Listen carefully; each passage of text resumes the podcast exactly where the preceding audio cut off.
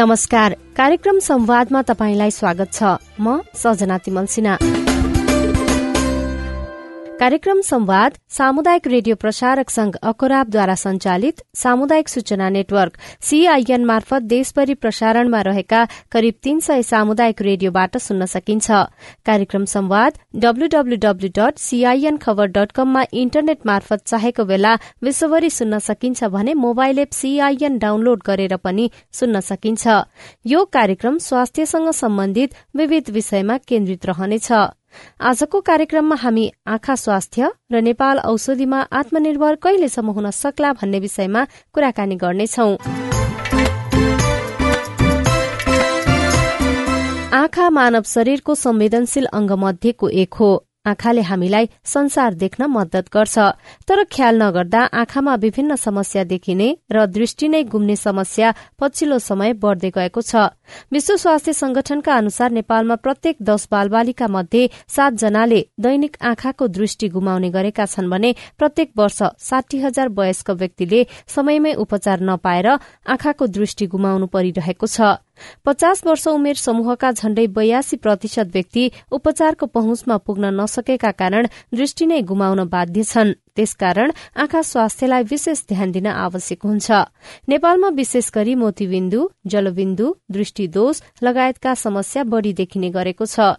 आँखाको ख्याल कसरी राख्ने आँखाको दृष्टि गुम्न नदिन के गर्ने? हामीले एकजना आँखा रोग विशेषज्ञ डाक्टर सुशान्त अरिगासँग कुराकानी गरेका छौं। आँखा भनेको बडीको सबसे संवेदनशील अङ्ग है। एकदम धेरै हाम्रो नसाहरूले आँखामै सप्लाई गरेको हुन्छ है। र सानो तिनो प्रब्लम पनि आँखामा एउटा सानो धुलो पर्दा पनि धेरै नै समस्या गर्छ। त्यही भएर आँखा भनेको टाइम टाइममा जचाइरहनुपर्छ। इनकेस स्वास्थ्य सेवा नजिक छ भने वर्षमा एकचोटि एटलिस्ट आँखा आएर देखाउने। र घरैमा पनि धेरै कुरा आँखाले भन्छ। शरीरका धेरै रोगहरू आँखैबाट थाहा हुन्छ। है त्यही भएर आफैले पनि याद गर्ने। तपाईँले एउटा कुरा देखिरहनु भएको थियो टाढाको कुरा। अब बिस्तारै त्यो कुरा देख्न छाड्नु भयो भने आँखामा केही समस्या छ। भनेपछि एकचोटि डाक्टर कहाँ सकिन्छ भने गएर देखाउने। साधारण पनि घरमै बस्दा पनि आँखाको ख्याल राख्न सकिन्छ। कसरी भन्दा खानेकुरा राम्रोसँग खानु पर्यो एउटा भनेको हरियो सागपात जसमा भाइटामिन ए हुन्छ। पहेँलो फलफुलहरू पपायाहरू भयो मेवाहरू हाम्रो सुन्तलाहरूमा पनि भिटामिन सी एहरू हुन्छ र अरू विभिन्न साग सब्जीहरूले पनि आँखाको हेल्थलाई राम्रो राख्छ। अर्को कुरा एउटा गर्न नहुने कुरा जुन हामी सबैजना गर्छौँ भनेको आँखामा पानी छ्याप्ने। आँखाको हातमा पानी लिएर आँखाभित्र हाल्यो भने आँखा स्वस्थ हुन्छ भन्ने यो एकदम गलत धारणा छ। यो गर्दाखेरि आँखामा भएको राम्रो आँसु चाहिँ बाहिर जान्छ र धाराको फोहोर पानी आँखामा जाने गर्छ।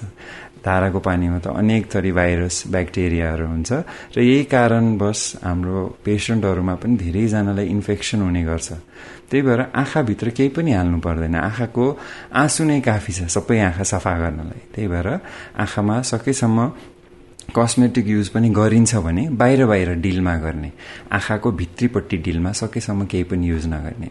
यो सानातिना कुराहरू यसलाई ध्यान दियो भने आँखामा धेरै प्रब्लमहरू आउँदैन। आँखामा चाहिँ विशेष गरी हामीलाई कस्ता कस्ता समस्याहरू आउन सक्छन्? यो आँखामा आउने समस्याहरू भनेको मेनली उमेर अनुसार आउँछ है। बच्चामा आउने समस्या अलग्गै हुन्छ ठुलो मान्छेमा आउने समस्याहरू अलग्गै हुन्छ। बच्चामा हामीले याद गर्नुपर्ने कुरा भनेको बच्चाको दृष्टि कस्तो छ? है। सानो सानो बच्चाहरूमा हामीले थाहा नै हुँदैन बच्चाले कति देखिरहेछ। ठुलो मान्छे हो भने तँलाई भन्न सक्छ होइन मलाई कम देखियो भनेर बच्चाले भन्न सक्दैन। र नौ दस वर्षको उमेरसम्ममा पनि हामीले चस्मा चाहिने बच्चालाई चस्मा दिएनौँ भने उसको जीवनभर त्यो दृष्टि आउँदैन जति चस्मा लाए पनि। त्यही भएर सानो बच्चालाई यसो याद गरिराख्ने उसको दृष्टि कस्तो छ। अलि टाढाबाट औँलाहरू देखाएर हेर्ने। होइन? त्यो राम्रो छ कि छैन भने त्यो साधारण कुराले पनि बच्चाको दृष्टि बच्न सक्छ नम्बर वान है। अर्को भनेको वृद्ध वृद्धहरूमा पचास साठी वर्ष नागेपछि मोतीबिन्दु भनेको सबसे कमन समस्या आजकल। है। यसले पनि के गर्छ त? दृष्टिमा कमी ल्याउँछ। त्यही भएर दृष्टि यसो याद गरिरहनुपर्छ। मैले पहिलाभन्दा कम पो देखिरहेको छु कि एकदम उज्यालो लाइटमा मलाई गाह्रो पो हुन्छ कि आँखा मेरो एकदम दुखिरहेछ कि यो सबै कुराहरू याद गर्नुपर्छ। र अहिलेको अहिलेको यो जेनेरेसनको सबसे कमन समस्या भनेको धेरै कम्प्युटर र फोन युज गर्नु। है। यो जति धेरै हामी स्क्रिन युज गर्छौँ आँखालाई हरेकदम यसले असर गरिरहेको हुन्छ बच्चाहरूमा मेनली अहिले संसारमा एउटा नयाँ एपिडेमिक भन्छ नि भने एकदम फैलिएको रोग भनेको चस्माको नम्बर मायोपिया जुन भन्छ यो बच्चाहरूमा एकदमै कमन छ। किन भन्दा ग्याजेट युज बच्चाले खाएन आइप्याड दिदियो बच्चाले खाएन मोबाइल दिदियो सजिलो काम त बच्यो तर बच्चाको आँखामा चस्माको नम्बर बढ्दै बढ्दै बढ्दै जान्छ। आजकल कस्तो हुन्छ भने दसजना मध्ये पाँच छजना बच्चालाई चस्मा लाग्छ। जबकि पहिलाको हाम्रो स्ट्याटिस्टिक्स हेर्ने हो भने दसजनामा एकजनालाई दुईजनालाई लाग्थ्यो होला। यो किन भयो त भन्दा स्क्रिन युज बढी भएर। त्यही भएर बच्चाहरूलाई स्क्रिनबाट टाढै राख्ने बच्चाको केही काम त हुँदैन फोनमा। त्यो सकेसम्म दिनमा आधा घन्टा पैँतालिस मिनट जस्तो दिने त्योभन्दा बढी स्क्रिन नदिने। विशेष गरी उमेर समूह अनुसार दृष्टि या फेरि आँखामा समस्या आउँछ होइन? भर्खरै मात्रै हामीले विश्व दृष्टि दिवस पनि मनायौं होइन? त्यसमा पनि नेपालको हकमा मात्रै होइन कि विश्वभरि नै बच्चाहरू विशेष गरी अठार वर्ष मुनिका बालबालिकाको दृष्टि गुम्ने समस्या या कमजोर हुने समस्या बढ्दै गएको छ।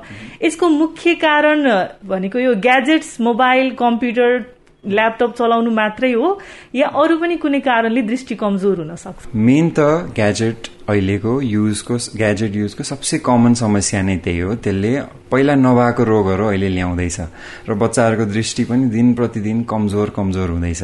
हामी कहाँ बिरामीहरू आउनुहुन्छ? एक वर्ष पहिले नम्बर थोरै थियो। अहिले एक्कासी बढ्यो।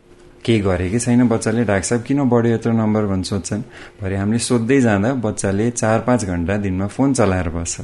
त्यो भएपछि त बढ्ने नै भयो होइन? हाम्रो हातमा पनि केही कुरा छन् डक्टरको हातमा भरे अभिभावकको हातमा पनि धेरै कुरा हुन्छ। बच्चालाई लिमिट गर्नुपर्छ। लिमिट गरेन भने यो बढ्दै जान्छ। यसपालि विश्व दृष्टि दिवसमा भन्नुभयो यसमा के भनेको छ त भन्दा टेक केयर अफ यु आइज भन्छ भने आँखाको ख्याल राख्ने। कसरी राख्ने भन्दाखेरि आँखाको नियमित रूपमा चेक जाँच गराउनुपर्छ। हाम्रो चाहिँ साधारण के अप्रोच हुन्छ त भन्दा आँखा हामी जचाउने जाँदैनौँ। जबसम्म आँखामा समस्या आउँदैन। यो गर्नु हुँदैन।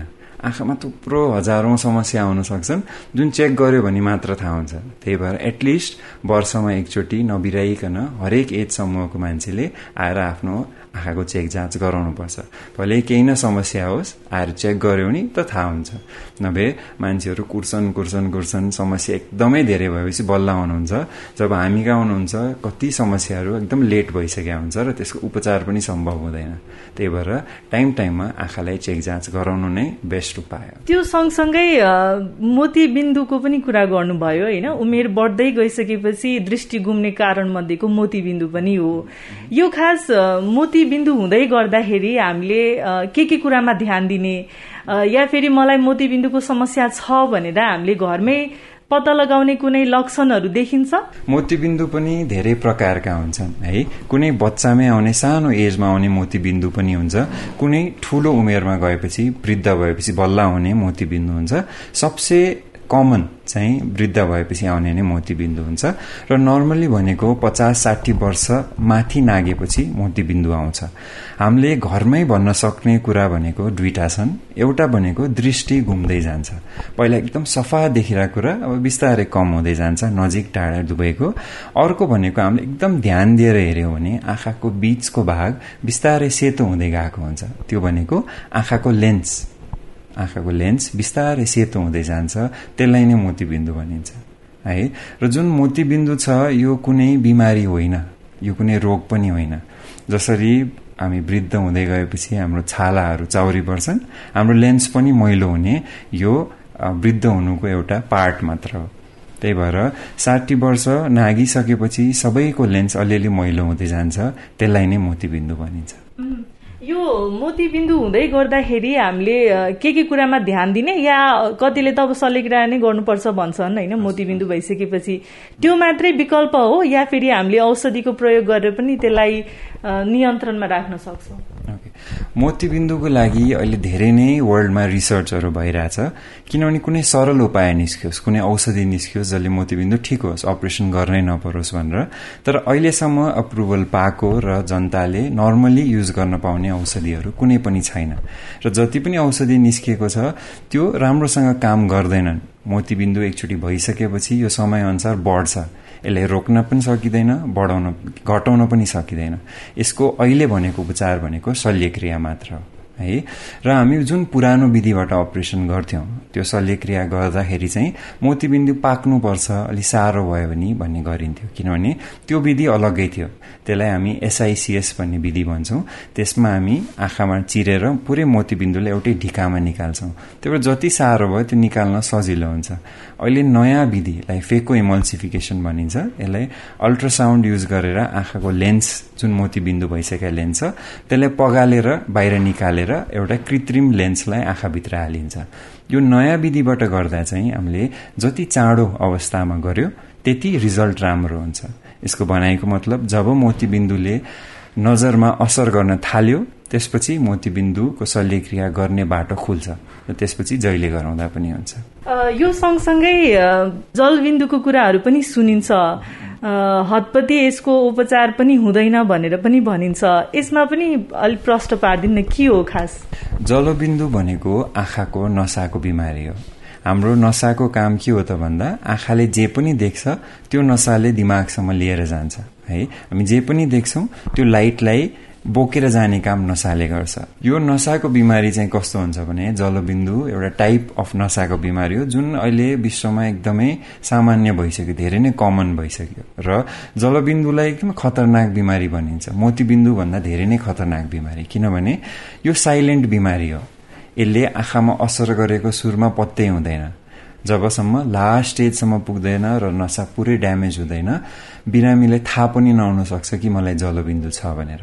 जलबिन्दु किन हुन्छ त भन्दा एउटा एकदम सामान्य यसको रिस्क फ्याक्टर भनेको आँखाको प्रेसर। आँखाको प्रेसर बढी बढी भयो भने यो प्रेसरले नसालाई थिच्छ र थिचेपछि यो नसा सुक्दै सुक्दै सुक्दै जान्छ। यसलाई खतरनाक किन भनिन्छ? यो एकचोटि सुकिसकेको नसा जीवनभर कहिले पनि फर्केर आउँदैन। जति नै अपरेसन गरौँ जति नै औषधि गरौँ यो फर्केर आउँदैन। त्यही भएर जलबिन्दुको हाम्रो जुन डायग्नोसिस छ यो जलबिन्दु हो भन्नु कुरा पत्ता लाग्नु नै ठुलो कुरा हो।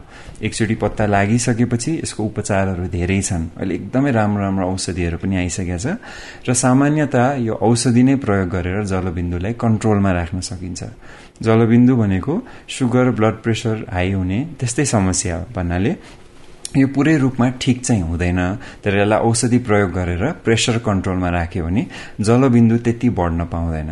जब औषधिले काम गर्दैन या अन्य टाइप जलबिन्दुको पनि धेरै टाइपहरू हुन्छ भने यो लेस कमन टाइप कम कमन टाइपहरूमा चाहिँ शल्यक्रिया पनि गर्नुपर्ने हुनसक्छ। तर जेनरली भन्दा मान्छेहरूले आएर बिरामीहरूले देखाउनु भयो र जलबिन्दु छ भन्ने कुरा पत्ता लाग्यो भने आँखालाई सुन्दर बनाउनु पर्ने वा फेरि हामीले बनाउँदाखेरि त्यो अब विभिन्न कस्मेटिक सामानहरूको पनि प्रयोग गर्छौँ आई ड्रपहरू पनि राख्छौँ। यो प्रयोग गरेर गरिन्छ या हामीले घरेलु प्राकृतिक हिसाबले पनि सुन्दर बनाउन सक्छौँ? यो सुरु हुने त प्राकृतिक घरेलु उपायबाटै हो होइन? किनभने मेनली घरेलुबाटै सबै कुरा हुन्छ भने डक्टरको त आउनै पर्दैन। कसरी गर्ने त भन्दा मेनली आजकल सबैजनाको समस्या भनेको आँखा मुनि डार्क सर्कल्स आइरहेछ आई ब्याग्स बनिरहेछ माथि आँखाको फोल्ड्सहरू आइरहेछ भन्ने हुन्छ है? मेन कुरा आँखालाई स्ट्रेस कम गर्यो भने यो सबै कुराहरू पनि कन्ट्रोलमा हुन्छन्। प्रशस्त मात्रामा पानी पिउने पहिलो कुरो। दोस्रो कुरो भनेको स्वस्थ आहार खाने भाइटामिनयुक्त आहारहरू खाने आँखालाई धेरै नमिच बस्ने सनस्क्रिनहरूको प्रयोग गर्ने आँखाको बाहिरी एरियामा र बाहिर जाँदा युभी प्रोटेक्सन सनग्लासेस युज गर्ने। यति पाँचवटा कुराहरू गर्यो भने आँखाको जेनरल हेल्थ एकदमै राम्रो हुन्छ। त यति गर्दा गर्दै पनि कसै कसैको डार्क सर्कल्स बढी हुन्छ आई ब्याग्सहरू आउँछ आँखाको परेला नै झोलिएको हुन्छ। आजकल यति धेरै नयाँ टेक्निकहरू आइसक्यो। यिनीहरूले सबै राम्रो पारेर पहिला जस्तै आँखा पनि बनाउन मिल्छ। सर्जरी सर्जरी पनि शल्यक्रिया गरेर पनि यसले तानतुन पारेर राम्रो बनाउन पनि सकिन्छ र अरू बोटक्सहरू पनि लाउने फिलर्सहरू हाल्ने पनि भन्छ। यो पहिला बाहिर देशहरूमा त धेरै पहिला नै आइसक्यो र धेरै प्रयोग पनि हुन्छ। नेपालमा यो भर्खरै भर्खरै सुरु हुँदैछ र यसको रिजल्टहरू एकदमै राम्रो छ। यस्तो अब हामी के डराउँछौँ भन्दाखेरि हो यो त प्लास्टिक सर्जरी जस्तो यो गरेर झन् खराब हुने हो कि? भन्ने हुन्छ। यस अभियसली डर त भइहाल्छ आँखामा केही चलाउने गर्दाखेरि। तर यसको रिजल्टहरू एकदमै नै राम्रो छ। सयजनामा मेबी अराउन्ड नब्बेजनाभन्दा बढी नब्बे प्रतिशतभन्दा बढीको रिजल्ट एकदमै राम्रो हुन्छ र सोचेको जस्तो हुन्छ। त्यही भएर इन्ट्रेस्ट छ भने कस्मेटिक कुरा हो। आएर यो सर्जरीहरू शल्यक्रिया जहिले पनि गराउन सकिन्छ। मधुमेह भएका व्यक्तिहरूले आफ्नो आँखाको ख्याल कसरी राख्न सक्छन् त्यो विषयमा पनि भन्नु मधुमेह र प्रेसर बढ्नु दुईटा मुख्य कारण हो जसले आँखाको पर्दामा समस्या लिएर आउँछन्। र हामीलाई यो थाहा हुँदैन। मान्छेहरूलाई बिसौँ वर्षदेखि सुगर हुन्छ होइन? धेरै बढेको हुन्छ सुगर बिपी ब्लड प्रेसरको बिमारी पनि धेरै वर्षदेखि हुन्छ तर आँखा जाँच कसैको भएको हुँदैन। पछि बिस वर्षपछि हामी कहाँ हुँदा? हामी हेर्दा आँखाभरि ब्लिडिङ भएको हुन्छ भित्रपट्टि आँखाभित्र पानी जमेको हुन्छ र त्यस्तो भइसकेपछि त्यसलाई ठिक गर्न धेरै नै गाह्रो हुन्छ। त्यही भएर हाम्रो इन्टरनेसनल अन्तर्राष्ट्रिय गाइडलाइन्स अनुसार के भन्छ भने सुगर भएको डायबिटिज भएको दुईवटा टाइप हुन्छ वान र टू भन्छ। टू भनेको सबसे कमन हो। यो भएको यो भनेको जब सुगर डायग्नोसिस हुन्छ यसको एक वर्ष पश्चात हरेक वर्ष वर्ष दिनमा नानी फुलाएर पर्दाको जाँच गराउनुपर्छ। यो गर्यो भने बल्ल थाहा हुन्छ। र सुरुकै अवस्थामा आँखाको पर्दामा यस्तो केही समस्या देखियो भने यसलाई एकदम प्रिकसन लिएर यसलाई ठिक गर्न सकिन्छ। तर धेरै लेट भयो भने धेरै समस्या आउँछन् धेरै शल्यक्रिया गरेर पनि ठिक नहुन सक्ने अवस्था पनि हुन्छ। ब्लड प्रेसरको पनि त्यही कुरा। ब्लड प्रेसर पनि बढी बढी हुँदा आँखाको नसालाई यसले ड्यामेज गर्छ। जुन रगतको नलीहरू हुन्छ यसलाई बाङ्गो टिङ्गो गर्दै जान्छ र यहाँबाट ब्लिडिङ हुनसक्छ त्यही भएर मेन कुरा भन्दा चाहिँ मधुमेह भएको मान्छे र ब्लड प्रेसर बढी भएको मान्छेले हरेक वर्ष सामान्यता एकचोटि आएर नानी फुलाएर आँखाको जाँच गर्नु राम्रो। चिसो मौसम बढ्दैछ होइन सामान्यतया मान्छेहरूले अब घर घरमा हिटर बाल्न थाल्छन्। बाइकमा मोटरसाइकलमा हिँड्दा पनि आँखामा पानी आउने या फेरि आँखा सुक्खा गराइदिन्छ होइन? यस्ता सामान्य समस्याहरूबाट जोगिन हामीले आँखालाई सुक्खा हुन नदिनको लागि के गर्ने के के कुरामा ध्यान यो जाडोको मौसममा हिटरहरू एकदमै युज हुन्छ हजुरले भने जस्तै होइन? हिटर युज हुँदा रुमको हावा ड्राई बनाइदिन्छ। ड्राई सुक्खा भइसकेपछि यसले आँखामा पनि सुक्खापन गराउँछ है? यसलाई बचाउनको लागि जुन हाम्रो त्यो ग्यास गिजरहरू ग्यास हिटरहरू हुन्छ त्यसको माथि एउटा बाटामा पानी राखिदिने। त्यो गर्दा के हुन्छ? पानी तात्छ भेपर बन्छ भेपर बनेपछि रुमभरि त्यो बाफ सर्कुलेट हुन्छ। बाफ भनेको ह्युमिडिटी बढाउनु हो। ह्युमिडिटी धेरै भएपछि हावामा पानीको पनि मात्रा भएपछि आँखा सुक्दैन र बच्छ। यो एउटा कुरा। अर्को कुरा बाइकहरू चलाउँदा पनि हावाले आँखाले हानिरह हुन्छ है? एकछिन बस्दा त मजा पनि आउँछ त्यो चिसो हावाले आँखामा हान्दा आनन्द आउँछ। तर यसले के गरिरह हुन्छ त भन्दा आँखाको जुन सतहमा भएको आँसु हुन्छ यसले सुकाउँछ। आँखा सुक्खा हुन्छ सुक्खा भएपछि आँखा बन्द गर्दा खोल्दा फ्रिक्सन हुन्छ भनेको रगडिन्छ आँखाको सतहहरू। त्यो भएपछि आँखाभित्र स्वेलिङ हुने आँखा सधैँभरि पोलिरहने र झन बढी आँसु आउने यस्तो समस्याहरू हुन्छन्। त्यही भएर यसबाट बच्नको लागि प्रमुख मेन कारण भनेको चस्मा लगाएर हिँड्ने बाइकहरू चलाउने मान्छेले। सकिन्छ भने हेलमेटै लगाउने र वाइजर पुरा भएको हेलमेट लाउने ताकि आँखा सुक्खा नहोस्। र जसैलाई पनि सुक्खापन भएको महसुस भइरहेछ या सुक्खा एकदम लागिरहेछ आँखा घस्रन महसुस भइरहेछ भने एकचोटि सकिन्छ भने डाक्टर कहाँ गएर जचाउने बेस्ट उपाय। सकिँदैन भने पनि एउटा आर्टिफिसियल टियर भन्ने ड्रप यो जताततै पाइन्छ। त्यो पनि आफैले सामान्यता रूपमा युज गर्न सकिन्छ। त्यसले के गर्छ त? आँखामा भएको आँसु जस्तै त्यो केमिकल हुन्छ। त्यो आँखामा हाल्दा यसले आँखालाई चिल्लो बनाइदिन्छ। जसरी जाडोको मौसममा हामी हातमा क्रिम लाउँछौँ हात फुट्यो भने आँखालाई त केही पनि गर्दैनौँ आँखा पनि सुक्खा हुन सक्छ। त्यसको लागि यस्तो ड्रपहरू हाल्न सकिन्छ। मुटु सम्बन्धी रोग मधुमेह लगायतका कारण पनि आँखाको समस्या देखिने गरेको छ भने आवश्यकता भन्दा बढी मोबाइल ल्यापटप कम्प्युटर चलाउने बानीले पनि आँखामा समस्या देखिन सक्छ। त्यसकारण सबै उमेर समूहका व्यक्तिले आँखाको विशेष ख्याल गर्नुपर्ने हुन्छ। अब कुरा गरौं नेपाल औषधिमा आत्मनिर्भर कहिले होला भन्ने विषयमा। मुलुक संघीय संरचनामा जाँदा नेपाललाई पाँच वर्षमा अत्यावश्यकीय औषधिमा पूर्ण आत्मनिर्भर बनाउने लक्ष्य राखिएको थियो। सरकार र औषधि उत्पादनमा लागेका उद्योगले आत्मनिर्भर बनाउने नीति पनि लिए। सरकारले सत्तरी प्रतिशतका अत्यावश्यकीय औषधिमा आत्मनिर्भर बन्ने लक्ष्य राखेको पाँच वर्ष बितिसक्दा पनि ज्वरो आउँदा चाहिने सिटामोल संघीय राजधानी काठमाण्डुमै पाइँदैन। औषधि उद्योगहरू भने अत्यावश्यकीय औषधिमा दश प्रतिशत मात्रै आत्मनिर्भर हुन बाँकी रहेको दावी गर्छन्। बाँकी रहेको दश प्रतिशत औषधिमा कहिलेसम्म आत्मनिर्भर भइसक्छ त नेपाल? हामीले नेपाल औषधि उत्पादक संघका उपाध्यक्ष सन्तोष बराललाई सोधेका छौं। नेपाल औषधि उत्पादक संघको भनाइ चाहिँ अब आउने सात वर्षभित्रमा सरकारले अत्यावश्यक भनेका औषधिहरू जति पनि छन् साढे तिन सयवटा जति औषधि छन् ती औषधिहरूमा चाहिँ हामी आत्मनिर्भर भइसक्छौँ भनेर हामीले लक्ष्य लिएको थियौँ। त्यो लक्ष्य अनुसार चाहिँ नेपाल औषधि उत्पादकले उत्पादन गर्दै आएको र त्यसको लागि चाहिँ उद्योग नपुगेको खण्डमा उद्योगको संख्या पनि बढ्दै गएको। हामीले जति बेला भनेका थियौँ त्यति बेला हामीसँग औषधि उद्योग जम्मा पैँतालिसवटा थिए भने अहिले हामीसँग अस्सीवटा उद्योग छन्। भनेपछि ती लक्ष्य पुरा गर्न हामी पूर्ण रूपमा उत्पादनको हिसाबले पनि सक्षम छौँ। र हामीलाई चाहिने र मेटेरियल र प्याकिङ मेटेरियलको लागि पनि हिन्दुस्तान लगायत चाइनाबाट लिएर आउने जुन र मेटेरियल छ त्यो माध्यम जुन माध्यमबाट हामी लिएर आएर त्यसबाट हामी सक्षम छौँ भनेर हामीले भनेको पनि हौँ र अहिले पनि सक्छौँ र सकि पनि रहेका छौँ। अहिले पनि तपाईँलाई सरकारको अत्यावश्यक औषधिको लिस्टमा हेर्नुहुन्छ भने हामीले लगभग लगभग नाइन्टी एट पर्सेन्ट औषधिहरू हामी आफै उत्पादन गर्छौँ। र केही औषधिहरू यस्ता छन् जुन औषधिहरू नेपालमा बनेका छैन। ती औषधिहरू चाहिँ तपाईँहरू इम्पोर्ट गर्नुहोस् र हामीले बनाउने औषधिहरू हामीलाई बनाउन दिनुहोस् हामी सक्छौँ। त्यस्ता औषधि हामीले बनाउने औषधिहरू चाहिँ विदेशबाट नल्याइदिनुहोस्। नल्याउँदाखेरि चाहिँ हामी तपाईँहरूले भनेको स्ट्यान्डर्ड क्वालिटी स्ट्यान्डर्ड पनि हामी मेकअप गर्न सक्छौँ र मूल्यमा पनि हामी एक रूपता ल्याउन सक्छौँ भनेर हामीले उहाँहरूलाई कमिटमेन्ट लिखित कमिटमेन्ट मौखिक कमिटमेन्ट र विभिन्न कार्यक्रमहरू मार्फत भनिरहेका छौँ।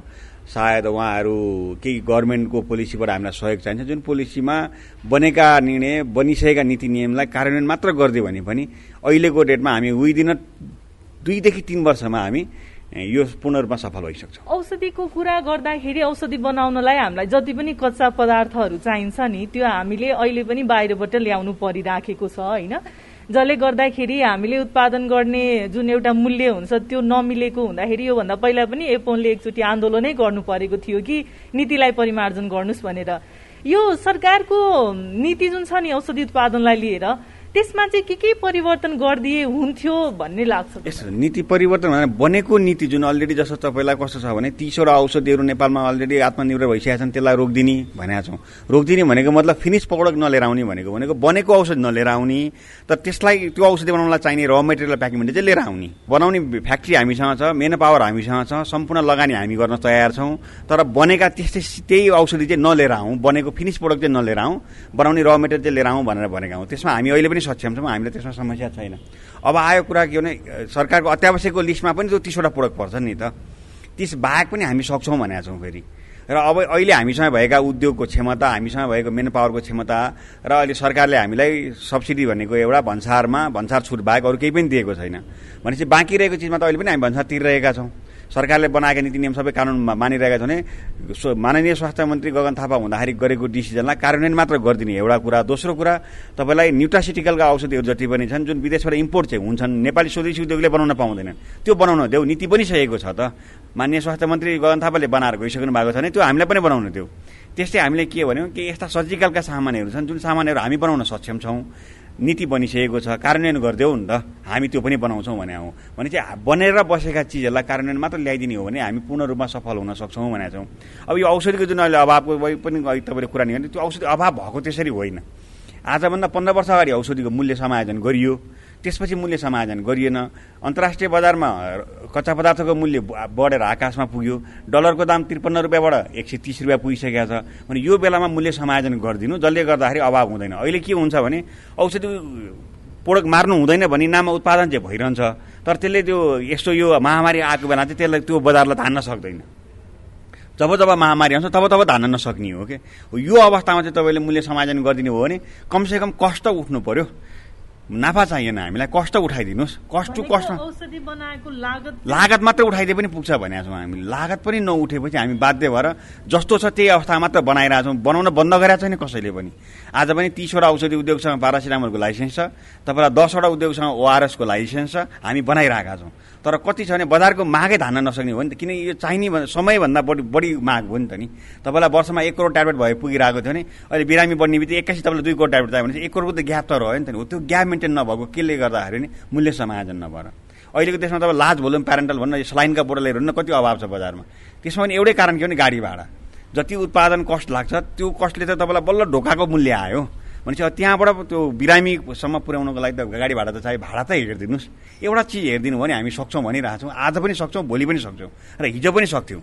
त्यसले गर्दा सरकारले बनि बनिसकेका नीति नियम कानुनलाई कार्यान्वयन गरिदिनु पर्यो र अलिकति सहजीकरण गरिदिनु भने केही पनि समस्या छैन। मूल्य साथसाथै नेपालमा जति पनि औषधिहरू उत्पादन हुन्छ नि त्यसको गुणस्तरको कुरा पनि बेला बेला उठिरहेको छ होइन? यही बिचमा पनि डेङ्गीको जब प्रकोप बढ्दै गइराखेको छ अनि नेपालमा उत्पादन हुने सिटामोल पनि भनेको अनुसार पाँच सय एमजीको छैन भनेर पनि मानिसहरूमा कुरा सुनिन्छ होइन? यस्ता खालका भ्रम वा भनौँ यस्ता खालका हल्लाहरूमा औषधि उत्पादक संघले त्यसलाई कसरी खण्डन गर्छ? तपाईँलाई पाँच सय एमजी छैन भने त हुनै सक्दैन। पाँच सय एमजी छैन भने ल्याबे फेल हुन्छ प्रोडक्ट बजारमै जाँदैन। औषधि बनाउने एउटा प्रोसेस हुन्छ जुन फर्माकोपियामा लेखिएको हुन्छ त्यो अनुसार बनाउने हो।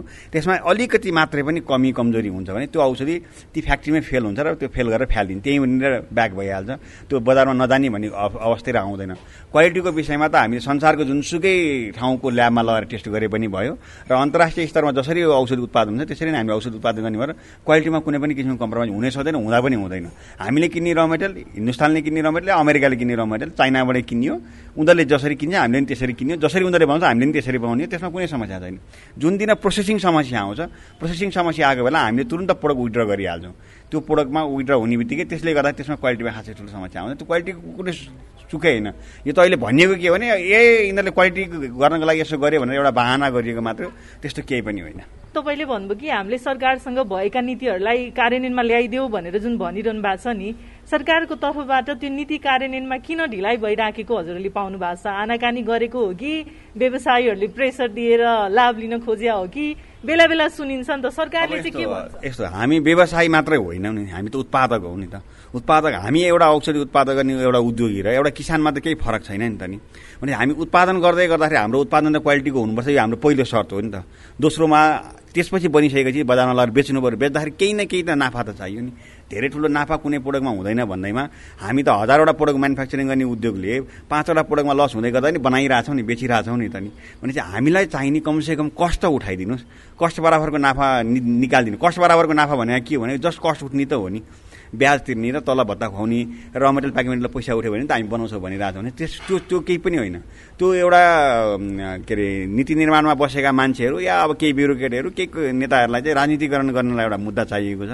जसमा औषधि सबभन्दा मेजर परेको छ त्यसमा पारासिटामोल ओआरएस परेको छ। त्यति मात्रै हो अरू केही पनि होइन। यसमा कुनै पनि किसिमको लो प्रलोभन देखाइएको पनि छैन र देखाउँदा पनि देखाउँदैनौँ र त्यो बियर गर्न सक्ने अवस्था औषधि उद्योग छँदा पनि छैन।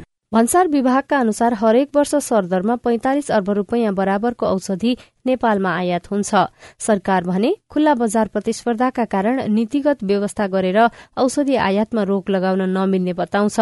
औषधि उत्पादक संघका अनुसार नेपाली बजारको पचपन्न प्रतिशत भन्दा बढ़ी औषधि विदेशी उद्योगले ओगटेको छ भने पैंतालिस प्रतिशत माग नेपालको उत्पादनले धानेको छ। तर बजारमा बेला बखत हुने औषधिको अभाव पूर्तिका लागि सरकारले प्रभावकारी कदम नचलाएको गुनासो रोकिएको छैन।